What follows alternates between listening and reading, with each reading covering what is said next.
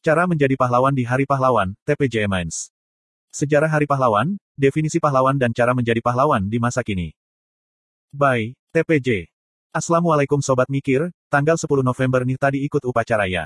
Kalau iya, berarti kamu masih pelajar atau guru dan staf yang ada di sekolah. Cak Min juga ingat kok tiap tanggal 10 November selalu ada upacara bendera, tapi pidato pemimpin upacara terasa angin lalu. Secara yasop, kalau upacarakan hal yang dihindari karena kita harus berdiri di lapangan dan berpanas-panas ria. Berasa sedang dihukum dengan cara dijemur. Tapi nih yasop, kalau Cakmin sekarang agak sedikit berbeda memaknai hari pahlawan ini. Mengapa sih kita harus memperingati tiap tahunnya, pentingnya apa? Mungkin hal ini sudah pernah dibahas sama pemimpin upacara, tetapi rata-rata lupa karena masuk telinga kanan keluar telinga kiri. Hehehe.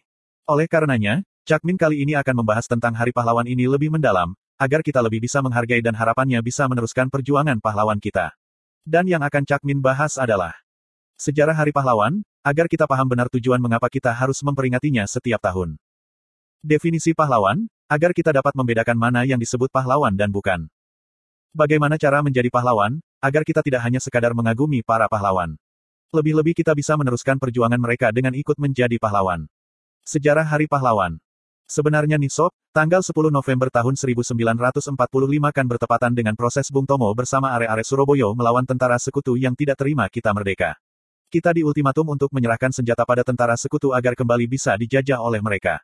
Tidak terima dong, lawong kita sudah merdeka. Enak aja disuruh jadi bangsa terjajah lagi, pecahlah perang mempertahankan kemerdekaan itu. Nah, padahal peristiwa perang untuk mempertahankan kemerdekaan kan bukan hanya di Surabaya. Di Bandung misal, malah terkenal karena dibakar seluruh kota agar infrastruktur kotanya tidak dapat digunakan oleh pihak sekutu. Yogyakarta, dan masih banyak lagi di wilayah lainnya. Tokoh-tokoh pahlawan juga sebenarnya tidak hanya orang-orang yang mempertahankan kemerdekaan. Tokoh yang memperjuangkan untuk merebut kemerdekaan juga tak kalah banyak. Tapi kenapa di tanggal 10 November? Kalau Cak Min coba pahami, antara urgensi agar anak cucu bangsa Indonesia masih bisa mengingat jasa para pahlawan. Tak masalah kapan pun itu, cukup ambil salah satu peristiwa yang mewakili, dirapellah jadi satu agar bisa khusus mengingat jasa-jasa para pahlawan.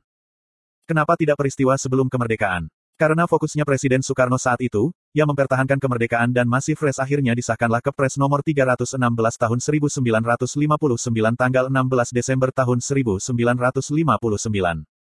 Sehingga, mengapa kita memperingati Hari Pahlawan? Agar kita senantiasa ingat jasa para pahlawan dan meneruskan perjuangan mereka. Definisi pahlawan. Menurut KBBI definisinya adalah, orang yang menonjol karena keberanian dan pengorbanannya dalam membela kebenaran, pejuang yang gagah berani. Namun jika kita hubungkan dengan penggunaan kata pahlawan saat ini ada beberapa seperti pahlawan nasional, pahlawan tanpa tanda jasa dan pahlawan ekonomi yang diangkat sebagai program oleh Bu Risma. Kalau Cakmin ambil kesimpulan bahwa kesamaan dari ketiganya adalah adanya proses usaha atau perjuangan dan dampaknya pada masyarakat.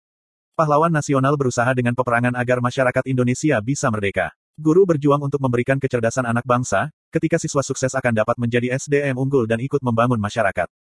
Sedangkan pahlawan ekonomi atau pengusaha bisa paling tidak mengangkat ekonomi diri sendiri agar tidak menjadi penjahat di masyarakat karena tunakarya keluarga, atau bahkan keluarga lain jika mengkat karyawan. Belum lagi ditinjau dari kebermanfaatan dari produk jasa yang diperdagangkan bagi masyarakat, jika memberi manfaat maka juga meningkatkan kualitas hidup masyarakat. Sehingga jelas, bahwa pahlawan bisa siapa saja yang berusaha sedemikian rupa agar bisa memberikan dampak positif bagi masyarakat. Bagaimana cara menjadi pahlawan?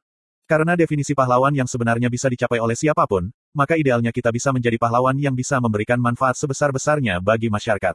Berikut Cak Min cantumkan beberapa cara agar kita bisa menjadi pahlawan di masa kini. Cara langsung. Maksimal berkarya di karir kita. Kamu gak salah baca sob, karena karir yang kita geluti sekarang apa pun bidangnya, di posisi apa pun kita berada. Jika perusahaan yang kita ikuti memberikan kemaslahatan dengan produk yang dijualnya, dan kita turut andil memberi kontribusi besar di dalam organisasi tersebut, kita juga bisa dikatakan pahlawan. Sama halnya dengan yang self-employed maupun profesi tertentu pun kita akan tetap bisa menjadi pahlawan dengan maksimal memberikan usaha kita agar kita dapat membantu orang lain dengan apa yang kita kerjakan lewat pekerjaan kita. Semakin besar skill dan kontribusi yang kita miliki, semakin besar pula yang akan dapat bermanfaat bagi masyarakat. Jadi terus upgrade diri agar semakin maksimal dalam berkarya ya sob. Uang adalah salah satu dampak dari upaya kita membantu orang lain. Tung de semua ringin. Niatkan untuk kebaikan. Ketika di poin Cakmin sebelumnya adalah pada kualitas dan totalitas dalam berkarya, maka di poin ini ingin menekankan pada, kita juga harus punya kompas moral. Bahwa tidak segala cara bisa digunakan dalam bekerja dan berkarya, janganlah menggunakan cara-cara yang tidak baik apalagi dapat merugikan dan mencelakakan orang lain seperti memfitnah, berbohong, mencelakai, dan lain sebagainya. Ketika tujuannya benar, cara yang digunakan benar, dan kita maksimal dalam melakukannya. Hal ini akan memberikan kita nilai tertinggi yang dapat menjadikan kita sebagai pahlawan kekinian. Terlepas akan terliput media dan menjadi viral ataupun tidak, percayalah bahwa kita adalah pahlawan. Cara tak langsung.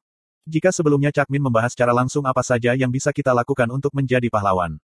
Maka berikut adalah hal-hal yang bisa kita lakukan secara tidak langsung dapat menjadikan kita sebagai pahlawan kekinian. Membayar pajak dan kewajiban lainnya dalam menjadi warga negara. Dengan kita taat melaporkan SPT dan membayar pajak, secara tidak langsung kita berkontribusi untuk kemaslahatan bangsa. Karena sekarang mana ada program pembangunan tanpa menggunakan dana. Bahkan membangun skala Karang Taruna Red pun minimal butuh konsumsi dan jika kita mengkonversikan tenaga, pikiran, dan waktu anggotanya ke dana juga akan fantastis.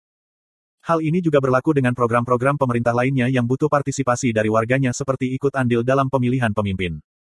Membeli obligasi. Akhir-akhir ini negara beberapa kali mengeluarkan surat obligasi. Bagi yang belum tahu obligasi adalah surat hutang yang dikeluarkan oleh negara.